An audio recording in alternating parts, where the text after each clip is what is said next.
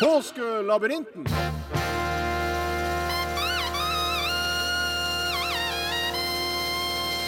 P1 Skattejakt.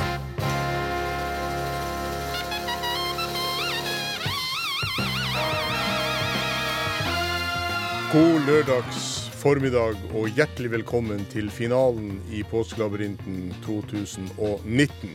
Det sitter tre spente finalister klar nå for å kjempe mot hverandre og mot klokka og løse alle oppgavene som vi skal ha, helt til vi kommer fram til skatten som er gjemt et eller annet sted ute i den store verden. Og det forhåpentligvis skjer eh, noen minutter før klokka 11 i dag. Du må gjerne være med oss og høre på helt fram til da.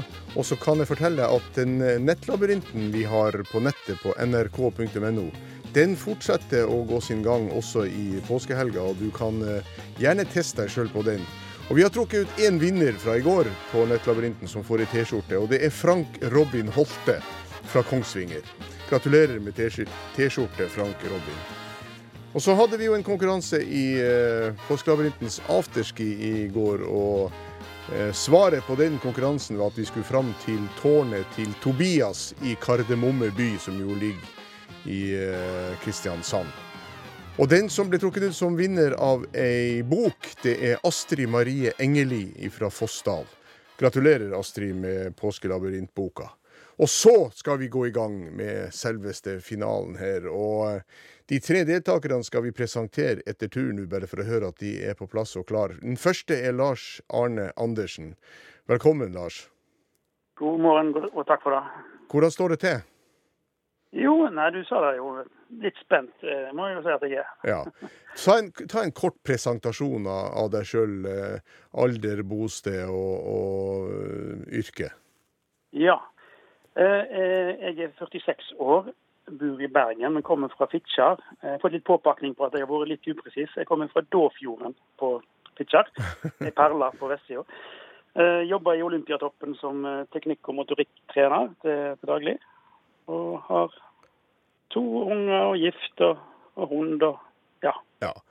Og så skal du være den første som får bryne deg på oppgaven i dag. Den andre er Anne Therese Seppola. Velkommen du også, Anne Therese. Tusen takk. Det blir spennende. Ja, du er like spent som Lars Arne, vil jeg tro. ja, det er jeg. Ta en kort presentasjon av deg sjøl, du òg. Ja, jeg er Anne Therese Seppola. bor i Havøysund, Finnmark. Eh, 62 år, nylig pensjonert lærer. Eh, ja. Jeg har eh, da fire barnebarn i kjelleren her som eh, holder seg veldig rolig. Ellers har jeg noen eh, team på kjøkkenet. Ja. Og, den tre, og den, du skal delta som nummer to. Og den tredje det er Emil André Erstad. Velkommen til deg også, Emil. Tusen takk for det. Du får sjansen du òg til en presentasjon av deg sjøl. Ja, jeg, eh, jeg, bor i Oslo. Kommer fra Radøy i Nordhordland. Og oppholder meg akkurat nå i Nordheimsund. Jobbes til daglig med menneskerettigheter i Den norske Helsingforskomité som kommunikasjonssjef der. Og så har jeg en liten fun fact her. for Jeg, fant ut at uh, den andre finalisten, Lars Arne, han har jeg hatt som lærer på, på Tertnes videregående skole. se der, se der. Kan du bekrefte til Lars Arne? Ja, det var et navn jeg satte kona til. Det der var et kjent navn. Ja. Der kan du se. Sånn er verden er liten. I, men, eh, men, stor nok til at vi vandrer gjennom en labyrint. Og vi skal starte nå med, med, selveste finaleoppgavene. Og det er han Lars Arne Andersen som skal begynne. Vi kom altså fram eh, i går til eh, Lima. Og i Lima så møter du en bibliotekar som forteller at hun nettopp har lest en romantriologi med Erling og Charlie som bestevenner og hovedpersoner. Det er over 30 år siden bøkene kom ut, og vil ikke fortelle triologiens navn, men at forfatteren er æresborger av fødebyen sin. At han ikke bor der lenger, men i en annen nordeuropeisk storby. Romanen er basert på mange egne opplevelser, og han omtaler hjembyen med et navn som kan ligne på det som er det originale navnet på hjembyen hans. Bibliotekaren mener at du bør oppsøke forfatterens fødeby, altså. Ok. Uh, forfatter av trilogi som handler om Erling og Charlie. Ja. 30 år siden, og da er vi jo i 1989. Skal vi se. Det ringte jo ingen bjeller hos meg i første, første omgang. Men det var noen andre eh, opplysninger her. Det var det, nye navnet ligner på Han omtaler hjembyen i denne trilogien eh, som et navn som ligner veldig mye på det navnet som er på den byen du skal reise til, som er hans fødeby.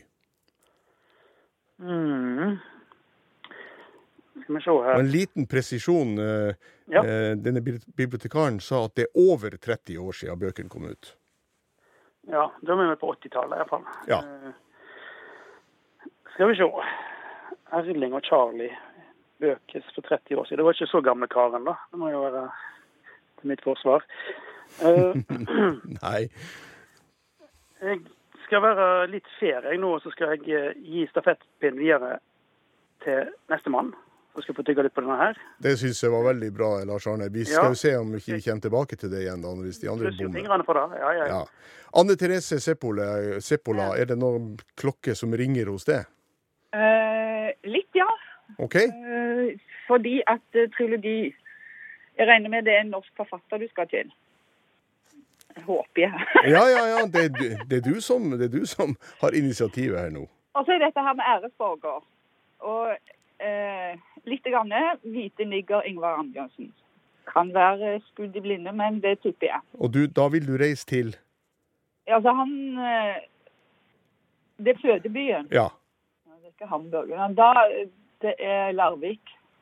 Så du vil reise til Larvik. Ja, og hva heter denne byen i romantrilogien som du, som du nettopp har sagt heter Hvite niggere? Ja, hvite niggere. Hva byen i, i boka heter? Ja? Nei, jeg husker ikke. Nei, den, det, det, Det er veldig lenge. Dette her er veldig lenge siden. Altså. ja, boka kom ut i 1986, eller bøkene. Ja. Og den fiktive østlandsbyen i boka heter Lillevik. Og Larvik. Ja, Så det kan jo ligne veldig på Larvik. Og han har jo sagt også det, han eh, Ingvar Ambjørnsen. Hvor han bor hen eh, til daglig? Jeg regner med han bor i Hamburg. Ja, det er riktig. Ja da, det ble, eh, det ble riktig. Og da er det du som får fortsette, selvfølgelig, Janne Therese. Vi reiser til Larvik, og der ser du at bibliotekaren har fulgt med deg på reisa. Hun sier at Larvik bare er et stoppested på veien mot neste reisemål. Og nå dreier det seg om en annen monumental triologi i norsk litteraturhistorie. Den handler om spenninga mellom ny og gammel tid i Norge, mellom siste halvdel av 1700-tallet og første halvdel av 1800-tallet. Første bind har et navn som tilkjennegir musikk bak et typisk norsk naturlandskap. Det andre bindet om vind fra et fjell med et menneske som har avgått ved døden. Og det tredje bindet har et navn som fornekter omvei. Hovedpersonene, som er far og sønn, har samme navn, og etternavnet er det samme som grenda du skal fram til, med navn fra et dyr som er sentralt i første bind. Hvor skal vi reise nå? Monumental Hva var det du sa? Monumental, Triologi. Monumental trilogi.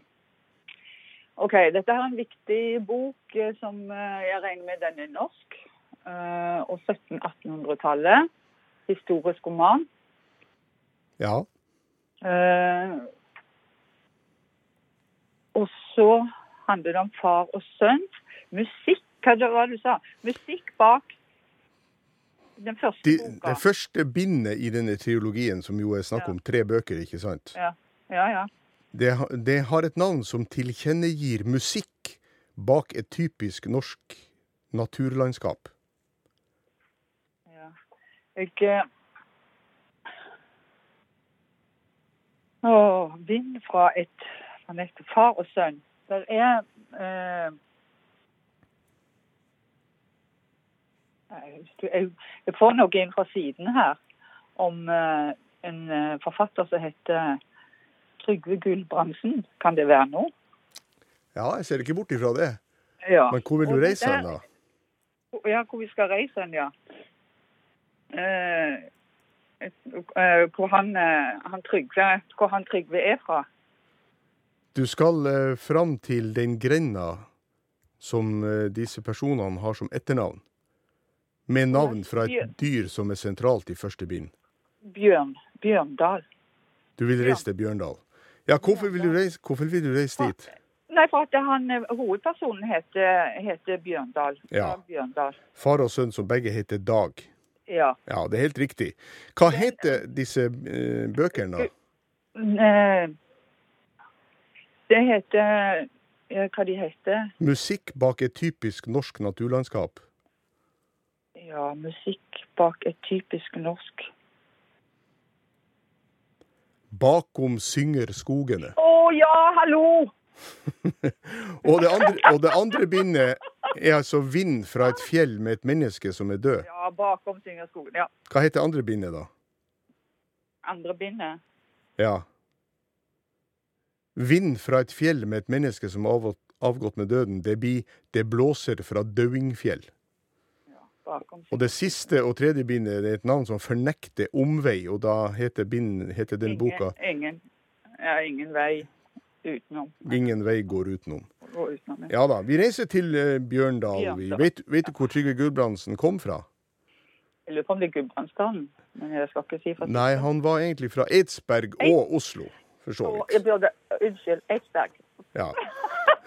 Ikke de som bor i Eidsberg, unnskyld.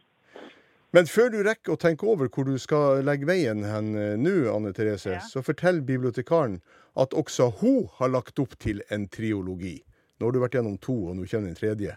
For hennes tredje og siste reisemål, det er en herregård i omegn av en liten fjordby i det vestlige Norge. Beskreven i et drama av en av våre store forfattere.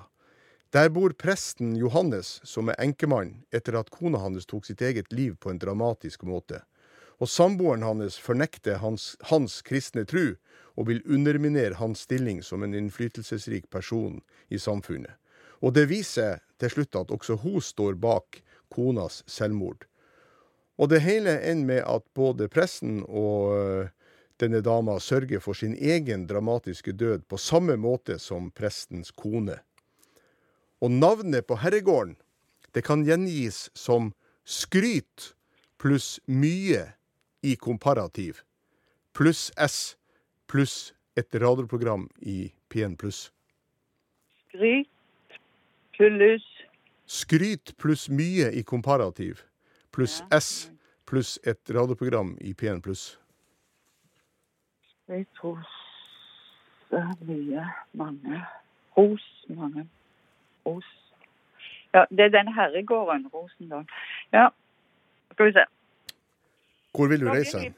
Ja, hvor vil du reise? Jeg må jo få litt opp dette her med trilogien. Ja. Eh, Det, Ja, det- Dette er ikke noe trilogi, bare for å si det. Det var hun bibliotekaren som hadde laga en trilogi med at du har uh, servert deg tre reisemål. Ah, OK. Ja, for, Ja. Så dette her er én bok? ja. OK. Ja. Og da skal vi til Vestlandet, på en fjordby. ja. Og så uh, var det en Johannes. Eh, og herregården heter eh, Herregården har i imperativ skryt, ros Skryt pluss mye i komparativ. Pluss S pluss et radioprogram i P1 pluss. skryt, rose. Rosmann Nei, det høres ikke ut som du har noe Nei. sånn eh, peiling på det. Jeg tror vi går videre til Emil André. Emil André Erstad, hvor skal vi reise hen nå? Ja, nå var vi litt heldige og fikk eh, litt tid til å eh, finne ut av det. Men svigerfar har eh, peiling, og han mener at dette er dette er eh, Ibsen vi skal fram til, som den store norske forfatteren. Og at i så tilfelle er snakk om Rosmersholm. Så du vil reise til Ja. reiser til Rosmersholm Ja, ja. i Norge. Ja, ja, ja, det er helt riktig. Fordi skryt blir ros, Ja. og mye i komparativ, det blir, Mye, det blir mer. det blir mer. Og så blir det en S. Og så, hva heter radioprogrammet i P1 pluss? Det heter vel Holm. Ja, helt riktig. Og eh, forfatteren er selvfølgelig Eh, Henrik Ibsen. Ja, det er Henrik Ibsen. Ja, da kom du inn, eh, Emil André, og har nå akkurat i øyeblikket initiativet. Vi reiser videre, vi. For, men før du rekker å tenke på hvor du skal reise hen, så får du se et bilde av en mann med grått skjegg og en tøyhatt på hodet uten brem. Han sitter i en lenestol omgitt av musikere, og foran seg har han en mikrofon. Rundt bildet er det ei svart rand, eller svart kant, og ved siden av så ligger det en MP3-spiller. Ja, jeg vil høre på MP3-spilleren, jeg, da. Sjøl kråkeskrikan har en vennlig klang.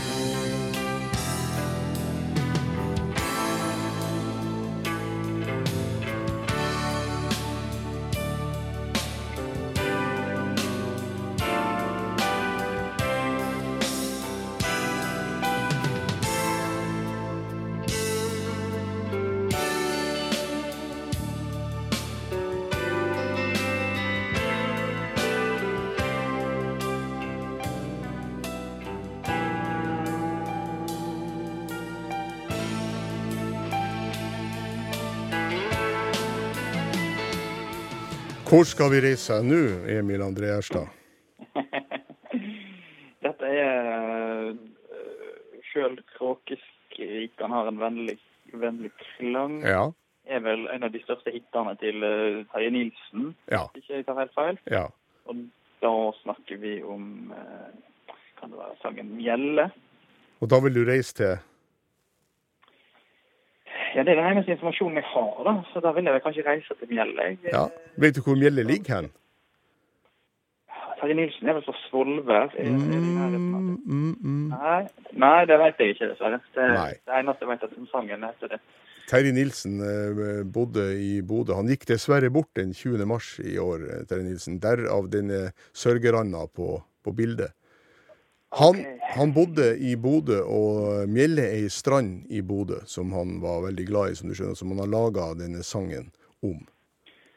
Nå har jeg mange venner i Bodø som vil bli veldig lei seg for at de ikke klarte dette. Ja, det skjer man jo. ja, det var jo eh, riktig. Du kom jo fram likevel da til riktig svar. Og på Mjelle så møter du en historiker som forteller at en republikk fyller 75 år i år. Proklamasjonen skjedde på et sted der verdens eldste politiske forsamling holdt til i over 860 år. På den store sletta samla de seg for å diskutere politikk, og også for rettergang. Ja. Talerne kunne bruke en naturlig forsterker, det offentlige gap, sånn at mange hundre kunne høre godt samtidig. I dag er det nasjonalpark der, men navnet finner du også i ditt eget land. Eksempel fødestedet til jukeboksbestyreren, avslutter denne historikeren. Hvor skal vi reise hen nå? Republikk 75 år, da er det jo en ung republikk jeg tenker på. Ja. Da tenker jeg på en plass jeg har vært. Jeg tenker på Island. Ja. Eh, for der har jeg vært. Jeg tror jeg har vært på det stedet du beskriver òg, nemlig Tingvellir. Eh, Hvorfor vil du dra dit? Ja, det er Grunnen til at jeg vil dra dit, er jo fordi at uh, der hadde de disse tingene sine uh, på Island. Og Ja. du beskriver jo det som et, uh, det eldste demokratiet. Eldste var fungerende parlament, egentlig. ja. Ja. Hva heter jo det? Allting. Ja. Allting heter det. Ja. Og det har jo holdt på da siden vikingtida. Det er jo like lenge som du beskriver. Så jeg, jeg Du ville at vi skulle reise til det stedet der de hadde disse tingene sine. ja, og der den republikken, som jo er Island, som du sier, ble proklamert for 75 år siden. Ja, da er det jo eh, Da tenker jo jeg at det er Tingvellir vi skal til, og ikke Ja. alltingen. Men ja. Nei da, det er helt rett tenkt. Thingvellir, for å si det på islandsk. Ja, Thingvellir. Ja. De flytta jo derifra, da, eh, fra Thingvellir, eh, Alltinget, og holder nå til i Reykjavik. I, Ja, eh, de, også. de gjenoppsto i Reykjavik i 1844 og holdt et hus som heter Althingishus. Ja. Og eh, hva, eh, hva var dette offentlige gapet for noe? Hvis du har vært der, så vet du det sikkert. Det er jo at uh, disse te tektoniske platene vel mellom Europa og Amerika møtes vel omtrent Ja. der, har jeg hørt. Og, og når vi var der og gikk, så var det sånn gap i landskapet. Ja. mellom Det gikk en sånn sti gjennom der òg. Ja. Nettopp. så det vel der. ja. Det heter Almanajau. Almanajau, ja. Almanajau, som betyr offentlig gap, og som da når du står på denne sletta så, eh, der det samles veldig mange folk, så er det altså en naturlig forsterker. Når du står der og snakker mot denne veggen, da, eller har veggen bak deg, så får du det som en naturlig forsterker så at veldig mange hører hva som blir sagt, faktisk. Ja, En slags første naturlige forsterker, tror jeg. Men hva var det, Det var vel det tok vel dette med seg fra Gulatinget, hvis jeg ikke husker helt feil.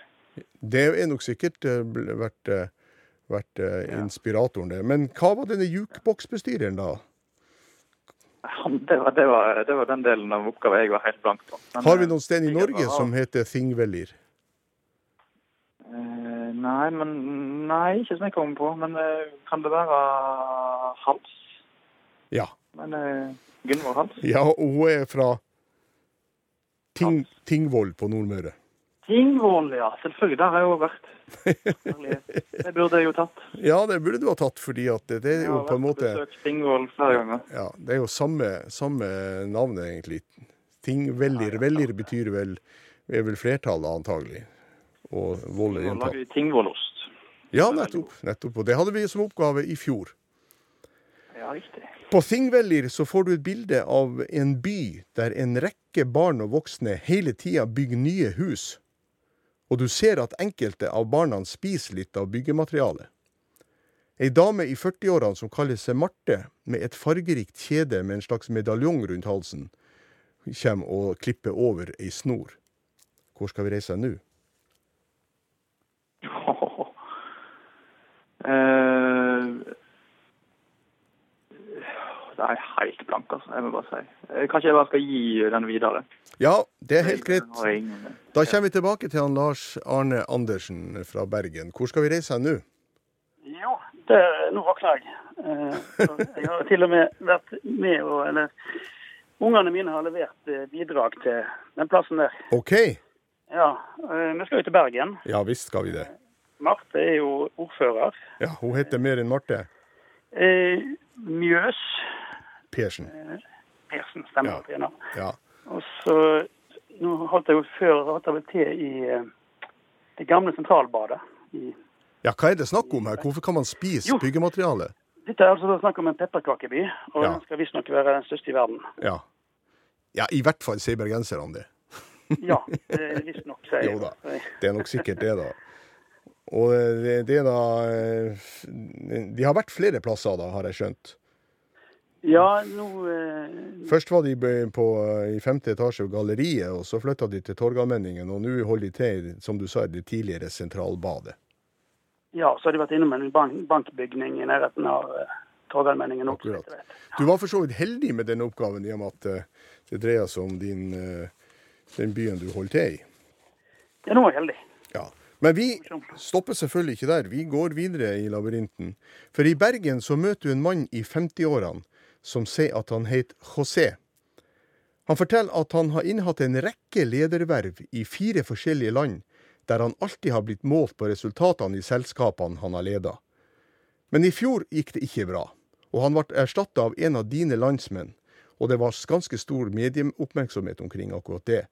Og han vil at du skal reise til hans fødeby, der han fortsatt er stor helt og bærer et kjælenavn. Byen er på størrelse med Stavanger og ligger fire mil sør for hovedstaden i landet. Og siste stavelse i byens navn er det samme som navnet på redskapet han har vært opptatt av hele sin yrkesaktive karriere. Ja. Eh, for å ta de selskapene han har vært eh, leder for, så er det innenfor idrett. Han har vært eh, fotballtrener. Ja. Eh, og den klubben som eh, han eh, gjorde det dårlig med nå sist, da var jo Manchester United. Og da kom jo Solskjær inn i hans rolle Ja. som manager. Og han vi snakker om, det er jo da José Mourinho. Ja. Og han er jo fra Portugal. Ja. Og da er det som jeg har funnet ut om han og hvor han kommer fra, så er det en plass du på ball. For det var jo ja. en av Og da er det Setuball. Jeg vet ikke om uttalen er helt rett. Men vi skal reise til Setuball, ja. Ja. Hvilket land ligger det i? Det er i Portugal. Ja, nettopp. Han har et, eh, et, et kjælenavn i den byen som han har Vet du hva det er? Det har jeg ikke peiling på hva han blir kalt for. Han blir kalt for C. Mario. C. Mario. Ja, og det er for at han heter José Mario dos Santos Mourinho Felix, egentlig. Ja, Så José Mario, det blir da C. Mario. riktig. Ja, eller Mario. Ja, det går jo eh, sånn opp og ned akkurat nå da med Ole Gunnar Solskjær, men det var ganske stor medieoppmerksomhet da dette skiftet skjedde. Ja, veldig, da. Hva slags preferanse har du innenfor fotball? Du, jeg er egentlig eh, den typen som ikke, ikke er blodfan av noe spesielt lag. Du går heller ikke på Brann stadion, da? Eh, Jeg har kontor faktisk i eh, ene svingen på Brann stadion. Når jeg jobber i Bergen, så har Idrettens hus kontor på Brann stadion. Så jeg er jo to ganger i uka på stadion, men ikke for å se fotball. Nei. Nei, men du driver jo og, og, og lærer bort eh, teknikk, da. Er det ikke det som er det faget ditt? Jo, det stemmer. Ja. Er det noe fotballteknikk involvert i dette her, da? Jeg har jobba litt med fotballspillere òg. Ikke så mye de siste, de siste årene, men eh, det jo, jeg mener jo at de har litt å lære, det òg. Men nå skal ikke vi prate oss bort, for nå sitter to andre veldig spente skattejegere som også vil slippe til. Så i Setobal i Portugal så kommer det en historiker bort til det. Han forteller at han er ekspert på konflikter mellom naboland. Han vil du skal dra til et smalt havstykke mellom to landområder, der en blokade skapte stor uro og fare for krigshandlinger for vel et år siden. Halvøya i vest er okkupert av naboen, og har et navn som mange forbinder både med en krig midt på 1800-tallet, en slags influensa og en konferanse mellom de tre store for eh, over 70 år siden. Men du skal altså reise til det smale havstykket som munner ut i det farga havet. Ja. Eh, Du sa at det var en konflikt for et år siden. Ja. Eh, Og så var det et veldig smalt strede som var Ja, kime til konflikten. ja. Eh, og så kan, kan du gjenta akkurat det der du sa om eh, de to partene i, i konflikten. Det fikk jeg ikke helt uh, tak på. Jeg sa at det skapt stor uro, det en blokade skapt stor uro og fare for krigshandlinger for vel et år siden. Og du skal altså til det smale havstykket mellom de to landområdene, som ble blokkert. Ja, jeg mener at dette her jo ble blokkert av eh, Det var masse store båter som ble lagt opp eh, for å mer eller mindre eh, lukke hele stredet der. Ja, Eh, og da er vi jo i eh, Nå skal vi østover. ja, Eh, og navnet på stredet der eh, Dette her har vel med konflikten mellom Ukraina og, og Russland å gjøre. ja. Uh, skal vi se. Krim er jo en stor kilde til konflikten her. Og det er jo noe med tilgangen Russland har til Svartehavet. For der er det da farga havet, da, som, eh, som du eh, nevner. Nettopp. Og da er det jeg må få tak på nå, er navnet på stredet. Eh, og da tror jeg det er Kertsjstredet. Ja. Som ligger sånn til at hvis den blir blokkert, så mister Russland tilgangen til Svartehavet. Og egentlig og de har en ganske stor flåte liggende, tror jeg, som er avhengig av at det er åpent der. Nettopp. Nettopp. Du har, eh, du har løst opp alle nøstene. Det eneste som jeg kan spørre deg om, eller som vi kan lære av dette, her, det er hva betyr Kertsj? Altså, eh, der eh, kom jeg til kort. Nei, jeg kan fortelle, Eh, jeg kan fortelle Kanskje eller noe sånt. Det betyr strupe. Ja. Men hva var dette her med influensaen og konferansen mellom de tre store og, og krigen på 1800-tallet? Jo, altså da hadde vel den konferansen, Jalta-konferansen. Ja. Da var jo Stalin og Churchill og så han eh, amerikanske presidenten. Franklin Samla. Roosevelt. Ja. Ja, ja. Og hva er, hva er influensaen? ja Kan det ha med Jalta å gjøre, da? Nei, det er Krimsyken. Som var en slags influensa som herja blant soldatene under denne krigen, Krimkrigen, som jo det er også snakk om her, da. Ja. Ja. Nei, vi drar til Kertsj-stredet, vi da. Og der ser du et bilde av et gjestgiveri der tre lyshåra kvinner og en mørk blond mann, mørk blond mann sitter i heftige samtaler rundt et bord. Alle tre har et støtteapparat rundt seg, og på veggene bak de her henger det tre bilder. Det er portrett av kong Fredrik den fjerde. Det er et bilde av eidsvollsmennene fra Hordaland i 1814, altså. Og et bilde av Thor Heyerdahl fra 50-tallet. Dessuten ser du et bilde av et tre med barnåle. Hvor skal vi reise nå? Ja, Fredrik den fjerde, han var vel konge for både Danmark og Norge. Ja. Og da var han jo i Ja, når var det? 17, rundt 1700. Ja. Det var én ledetråd. Eh, og så sa du noe om Eidsvollmennene som eh, Fra Hordaland. Ja. Og Eidsvollmennene, da er vi jo på 1800-tallet igjen. Ja. 1814, Eidsvoll. Det er bilde av dem, og så er det bilde av kong Fredrik 4., og så er det bilde av Thor Heyerdahl Ja. fra 50-tallet. Tor Heyerdahl fra 50-tallet. Hva er, hva Men-? Ja. Men hvem er disse personene som sitter i heftige samtaler rundt bordet? Tre lyshåra damer og en mørkblond mann. Tre lyshåra damer og en mørkblond mann. Det vet jeg faktisk ikke nå. Men jeg har eh, et forslag til hvor vi skal reise hen, iallfall uavhengig av det. OK? Ja? Mm, og det er Det er Granavolden. Og så tror jeg at det, det var plassen hvor KrF hadde forhandlinger. Ja, hvem er det som sitter her, da? Da er det vel eh, Solberg, Siv Jensen uh, Skal vi se Og så var det vel uh, Hvem er andre? Trine Skei. Ja. Trine Skei Og så må det kanskje ha vært en fra KrF, da. Eh, Ja. Han eh, Den eneste mannen her, da. Ja, han mannen. Det er vel ikke han eh, Knut Arild, men han som eh, Og ikke hun Bollestad. Hva heter, hun, hva heter han? da? Kjell Ingolf Ropstad heter han. Ropstad. Og du vil reise, du vil reise til Granavolden. og Hvor ligger det hen? Eh, da ligger Skal vi se I og med at det var menn fra Hordaland som var Eidsvoll. Ja, De stoppa der på tur til Eidsvoll. Ja. Så ligger det vel da ja, inn, langt inn i en fjord, på å si. Granavoll. Granavoll. Det ligger Gran. Det ligger Gran, ja, men da er vi ikke langt inn i en fjord. Vi snakker om gjestgiveriet i Gran sentrum, på, eller omtrent Ja. sju, sju minutts kjøring fra Gran sentrum på Hadeland. Og de fikk da bevilgning på livstid av kong Fredrik den fjerde. For, eh, for innsatsen de hadde i den store nordiske krig, da de mobiliserte mot en stor gruppe svensker. Og Tor Herdal var fast beboer her i flere måneder på 50-tallet, på Granavån gjestgiveri.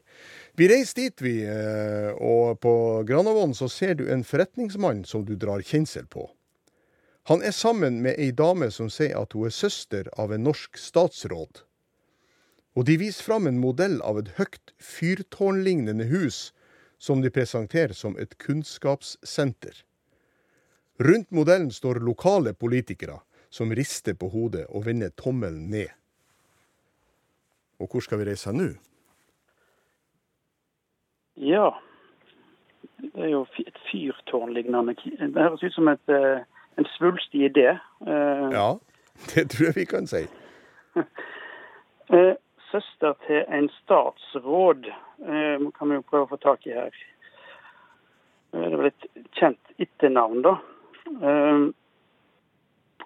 Jo, kan det være Jeg vet iallfall at det har vært mye snakk om et tårn som har blitt flytta rundt i hele landet etter hvert. Det er vel Røkke sitt prosjekt. Ja, sett, eh, den, har, den har blitt foreslått basert på det på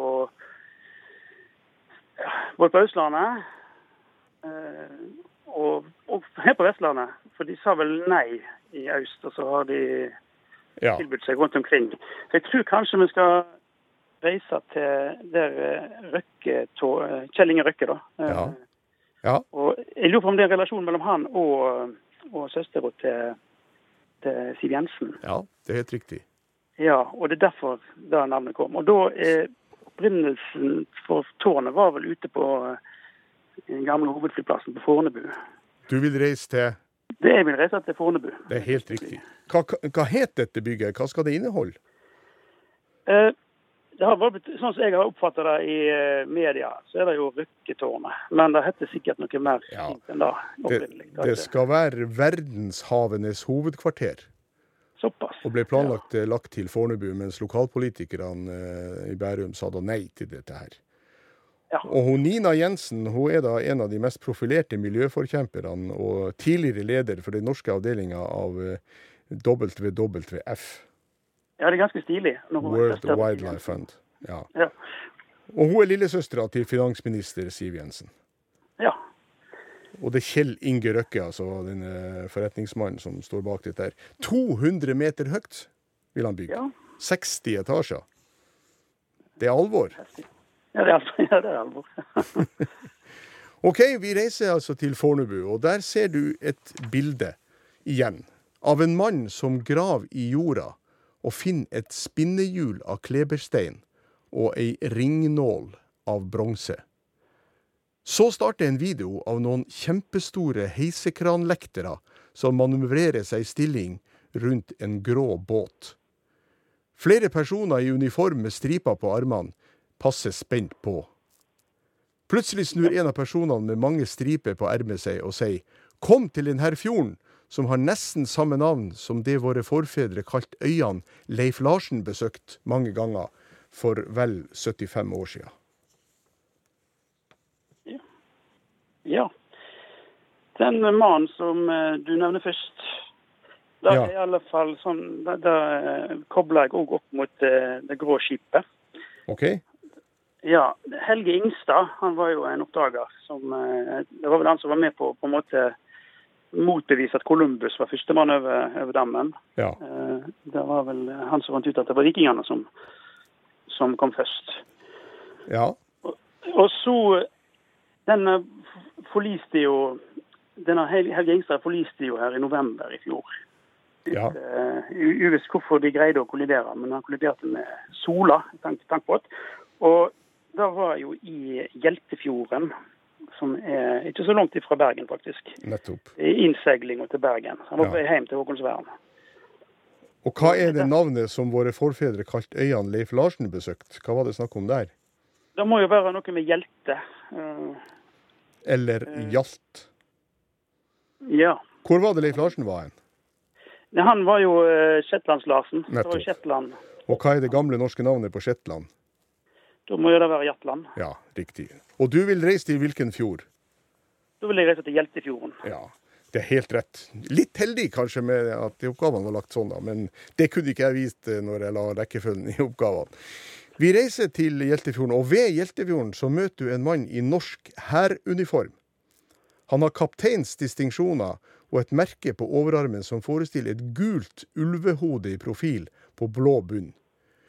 Under merket står fem bokstaver, der første er I og siste R. Han forteller at det sted han arbeider på er ytterpunktet i en bestemt himmelretning når det gjelder personell han bestemmer over. Det ble anlagt rett etter krigen på fjellet som suser, åtte kilometer lenger sør. Og ervervelsen av området tok 40 år å legalisere i retten. I dag utdannes det ungdom som har gjort, gjort jobb i fremmede land under stor risiko, men gjennom årene har mange norske menn stifta bekjentskap med øvelser her. Og hvor skal vi reise hen? Se. Han har jo en distinksjon, da. Det var et ulvehode på Var det på gul? Gul grønn? Gult ulvehode på blå bunn. Gult på blå. Det er fem bokstaver under. Det er den første I og den siste R. Ja Kan det være noe internasjonale fredsbevarende styrke eh, han har vært en del av? Eh, det var jo mange bokstaver mellom I og R der, men eh, Ja, det er tre. Eh, ja. Eh, jeg tenker vi skal vel i retning Midtøsten. OK? Eller, jeg, nå er vi litt på, på, på synsing her. Hvor vil du reise hen, da? Eh, skal vi se. Norge hadde jo kontingenter i, i Libanon. Mm. Så da vil du reise til Nå har jeg på en måte ikke så gode dekning for eh, påstanden ennå. For at, eh, for at eh,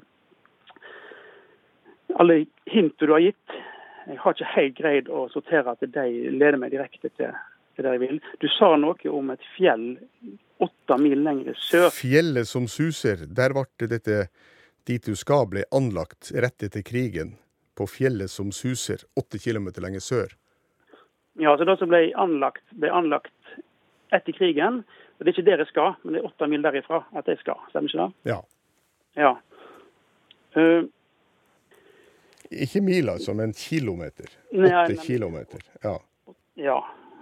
Nei, altså, hvis vi tenker, hvis jeg er på rett spor med tanke på, på uh, fredsbevarende styrke, eh, Libanon og Du, må kom, Libanon du må komme med et forslag til et svar, eh, Lars Arne. Ja. Da tror jeg at jeg vil prøve å reise til Beirut. God dag, kjære skattejeger. Jeg er Kristin Solberg, NRKs korrespondent i Midtøsten. Det er kjekt med besøk fra Norge, men dessverre har du ikke havnet på rett sted denne gangen. Det er ikke verre enn at jeg skal hjelpe deg til nærmeste flyplass. God reise. Da skjønte du at det ikke var riktig. Anne Therese Seppola, hvor skal vi reise Ja. hen? Ja, hvor skal vi reise hen? Ja, det var det. Du, eh, vi skal til en, eh, et eh, militært utdanningssted her i Norge. Ja. Det, det skal vi. Ja, det skal vi. Og, ja, det skal vi. Og så er det, så er det altså akkurat hva slags utdanningssted eh, innen militæret som det er. Vi har jo disse her alle militærforlegningene, men det fjellet som suser, det, det, det vet jeg ikke. Men jeg tenker meg kanskje at vi eh, eh, i Hæren at vi har ikke peil på alle disse her, men vi har jo oppe i Setermoen i Bardu, altså her nordover. Ja, hvor vil du reise hen? Ja, jeg sier Jeg vet ikke noe mer enn Jeg sier det. Setermoen, ja. Du sier Setermoen. Det var bom! Emil André Erstad, vet du hvor vi skal hen? Ja, nå vet jeg hvor vi skal. OK? Jeg har hatt uh, skoledebatter i Finnmark flere ganger uh, i valgkampene det siste. Så uh, For Kristelig Folkeparti. For Kristelig Folkeparti. Og, ja. det har gjort at jeg har blitt litt kjent i Finnmark. Og det ulvegreiene det tenkte jeg umiddelbart på var noe som jeg har sett før. Og det er jo garnisonen i Sør-Varanger som er som har en gul ulv på på eh, svart bakgrunn. Hva er disse bokstavene? Eh, GSV. Det begynte på I og slutta på R.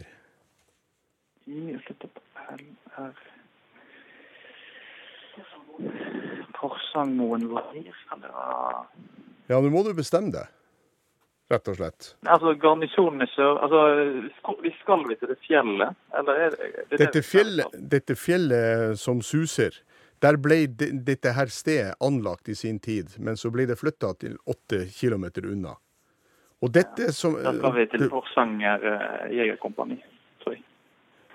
Og hvor vil du reise hen, da? Der er garnisonen i Porsanger. Ja. Du henta det pent inn der. Hva er dette med fjellet som suser?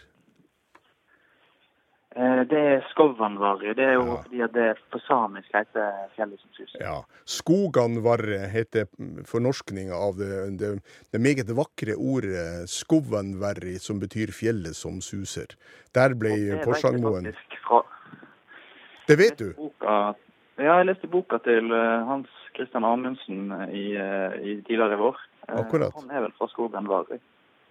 Så det Ja, det er et av de mest poetiske navnene vi, vi har, etter min mening. Og der holder altså Jegerkompaniet ISTAR, som står for Intelligence, Surveillance, Target Acquisition og Reconnaissance. riktig. Og de har blitt sendt i utlandet på, på oppdrag eh, for, for Norge, dette jegerkompaniet, eller tropp fra jegerkompaniet.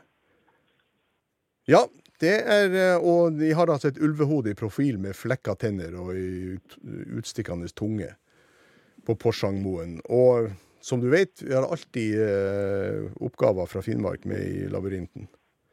Ja, det, det visste vi, så det har vi, har vi forberedt oss på. Ja, jeg skjønner det. Det kan være lurt, det. Men vi eh, stopper ikke der. Nå begynner vi å nærme oss et sluttpunkt, antagelig, i labyrinten. For i, eh, på Porsangmoen så kommer det en mann i alpelue og refleksvest bort til det. Han snakker norsk med en sterk aksent, og forteller at han deltar i en folkebevegelse som er et speilbilde av en tilsvarende bevegelse han også deltok i for 50 år siden, i samme by. Den første folkebevegelsen ga navn til en hel generasjon, basert på årstallet den var aktiv. Den nye folkebevegelsen har navn etter klesplagget deltakerne bruker, og er et tegn på at historien gjentar seg som en skepsis til makthaverne. Og mannen vil ha det med til byen der det her skjedde, og skjer. Ja, nei, eh, jeg jobber med politikk, så det her er jo eh, Og jeg har jo tidligere drevet og skrevet om eh, Emmanuel Macron, så og jeg er frankofil, så det her bør jeg klare. Um, jeg tror vi, eh, de du sikter til for uh, i gamle dager, hvis vi kan si det, uh, det er jo 68-erne og 68-opprøret. Ja. Uh, Og det starta vel i Paris, og det er jo der vi òg i dag har de gule vestene. Og, og denne aksenten er vel sikkert da fransk, og den alpelua stemmer veldig godt overens med fransk. Jeg tror vi skal til Paris. Hva er det som er det at historien gjentar seg? Det er jo uh, det gule vester-opprøret, sant, som uh, det, var, det er jo et folkelig opprør mot uh, elitene uh, i Frankrike pga. Uh, denne avgiftsøkningen på drivstoff som Macron-regjeringen vil innføre. Og så, og så er, er vel det en, en avspeiling av det folkelige opprøret som oppsto i 68. Og det kjenner jeg litt for. Altså, sånn, jeg, vet jo hva de sto for, sånn, men jeg vet ikke akkurat, akkurat hvorfor det oppstår og hvordan det oppstår. Det kan jeg ikke forklare i detalj, men jeg, jeg antar at det handler noe om samfunnsmessige elitene den gangen. eh, Ja. opprør mot det. Det er på en måte en slags parallell, dette her, og det foregår i samme by som altså er Paris. Paris. Emil André Erstad, nå er du framme ved skatten. Oi, du verden. Og du møter en kjent mann som sier det her. Dette er Erik Tandberg. Årets skatt ligger på det stedet der den største begivenheten i menneskehetens historie startet for 50 år siden til sommeren. Herfra ble mennesket for første gang sendt vekk fra vår egen planet for å besøke et annet himmellegeme og returnere trygt igjen.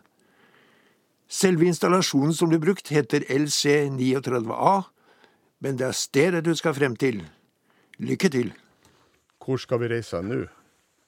Ja, dette er artig. Jeg, jeg har jo brukt siste døgnet på å forberede meg på liksom store hendelser og slikt. Eh, Og, og det, jeg har lest meg opp så grundig på, eh, på Kennedy, John F. Kennedy Space Center eh, i Florida at eh, det ligger på Merritt Island, og jeg kunne snakke om dyrelivet der og andre ting. Eh, så, men det er ikke den enden av skalaen vi skal til, kanskje? Er det den Vi skal til stedet dette her skjedde. Han sa jo at denne installasjonen hadde et spesielt eh, navn, som du sikkert fikk med deg, som Erik Tandberg sa, LC39A, men det er stedet du skal til. Hva heter stedet? Altså eh, Ja eh, Er det Altså stedet der, der eh, Det er Merritt Island stedet heter, eller Kennedy Space eh, Launch eh, Center, eller John F. Men det er kjent under et helt annet navn, som har gått inn i norsk romfartshistorie. Der Kennedy Space Center ligger, helt riktig. Hva heter det? Nå må du bestemme deg fort. Eh, I Florida. I Florida. Merritt Island i Florida. Men det er, det er ikke det det er kjent for i romfartshistoria. Du er inne på, du er inne på tanken, men hva heter dette? Apollo Denne spissen som stikker ut i Atlanterhavet. Du får en siste Canaveral, sjanse. Uh, Cape Canaveral, Canar Canaveral. Og du vil reise til Da vil jeg reise til Cape Canaveral. da. Her strømmer det på med penger. Som- som er et bevis på at Emil André Erstad er vinner av Påskelabyrinten 2019. Du får en eh, reisesjekk til en verdi av 10 000 kroner, og du får en tursekk, som de andre to også får. Gratulerer. Tusen hjertelig. Hvordan føles det? Nei, Først og fremst må jeg være veldig takknemlig til svigerfar, som har hjulpet meg. Men eh, og, det, det er deilig. Det er deilig. Men din svigerfar vant aldri Påskelabyrinten. Da har jeg et, et quizlag som må få en del av æren. Den ekte verdikommisjonen der jeg òg har sin del av æren. Nei, eh, eh, svigerfar vant aldri. Han røk vel ut på første spørsmål, så dette er vel en slags revansj. Han eh, realiserer seg gjennom svigersønnen. Ja, det er veldig, veldig hyggelig det, da. Men skal vi kanskje få inn en reaksjon fra de andre to? Lars eh, Arne Andersen, hva sier du nå? Jo, jeg må si gratulerer. Jeg syns det var en verdig vinner. Han eh, hadde masse kunnskap. Han hadde nesten vært alle plassene han, eh, han ble bedt om å reise til. Så det var imponerende. Er du skuffet sjøl? Ikke veldig. Jeg syns det var kjekt å være med. Eh, Det er alltid, jeg, sitter, jeg satt og tygde på svaret jeg, på, på den siste, så den visste jeg. Men sånn er reglene, vet du. Så jeg aksepterer det. og No hard feelings. Du får i hvert fall tilsett en fir, eh, fin tursjekk som det står Påskelabyrinten på, som eh, takk for innsatsen, Lars Arne. Ha en riktig fin påske fortsatt til det. Takk, det samme. Anne Therese Seppola i Havøysund, hva sier du? Ja. Vet du, jeg Gratulerer hjertelig. Han der var jo imponerende. Det var helt fantastisk. Så Emil André, hjertelig gratulasjoner. Og jeg er så glad bare at jeg har fått vært med. Hyggelig det. Du får også selvfølgelig tilsendt en tursjekk som du kan ha når du går på de mange turene rundt omkring i Måsøy. Ja, det, det skal jeg ha. Takk for innsatsen, Anne Therese, og du også må ha ei riktig fin påske. Ja, Takk det samme. Takk. Ha det godt, alle sammen. Emil André, hva skal du gjøre eh, med premien, da? Det er jo en premie til en verdi av 10 000 kroner som du kan reise for. Ja, det, jeg har er flere muligheter. Jeg har snakket om å reise til eh, å se OL-finalen i Tokyo eh, på 1500 meter neste år. Okay. Jeg er med friidrett sjøl, så jeg, har, jeg, er- jeg er friidrettsinteressert. Og da tenker jeg at det hadde vært kjekt å sette Ingebrigtsen på den tapetsere pallen i Tokyo. Jeg har faktisk slått Henrik Ingebrigtsen på, på 800 meter en gang, så det Har du det? ha, Selvfølgelig. Ok. Til alle i, i hele Norge. Ja. Eh, eller så er det jo å reise til det landet der en av oppgavene eh, kom fra, nemlig eh, Island. Det òg kunne vært. Ja, har du vært på Island tidligere? Ja, jeg har to ganger på Island. Og, jeg og kona er så gira på Island at vi vil gjerne tilbake og bade i noe eh, terma, termalbad og se litt på naturen der. Så det hadde vært spennende. Og du har vært på Thingvellir, kanskje? Ja, vi har vært på Tingvelli to ganger. Så det, Ja. Men det finnes jo veldig mange andre reisemål på, på Island òg, der eh, Gullfoss og Strokkur og Ja, det. Og så alle disse offentlige badeanleggene rundt omkring som er helt fantastiske. Så, eh, så det, det er mange muligheter. Vi får se. Jeg får ta en diskusjon med, med kona. Det er hun du vil ha med deg selvfølgelig på turen? Det er nok det, altså. Ellers har jeg snakket om å ta med gutten min til, eh, til Tokyo. Ja. Vi får se. Det er, en lang, det er jo en lang reise, det, da. Ja, han er jo eh, han er seks år, så kan hende han eh, neste år er han eh, nesten åtte. Så da, da går vel det sikkert greit. Men hva med svigerfar, da? Hva skal han få? Svigerfar han får oppdatert får sikkert få en ny T-skjorte, tenker jeg. Den jeg har på meg nå, som er fra 2004, den er litt utvaska. Så kanskje han skal få seg en ny T-skjorte. Så. Ja. Så, eh, så får en jeg får, jeg får, Kanskje han får bli med på turen. I den sekken som du får tilsendt, tursekken ved siden av eh, denne premien på 10 000, så er det også ei T-skjorte selvfølgelig som hører med som premie til alle de som eh, kommer på lufta i Påskelabyrinten. Hvordan har det vært å, å, å vært med, og hvordan opplever du finalen? Svigerfar spør om vi kan få, han kan få ekstra T-skjorte. Men eh, det har eh, eh, det har vært veldig veldig gøy. Jeg, må, jeg må berømme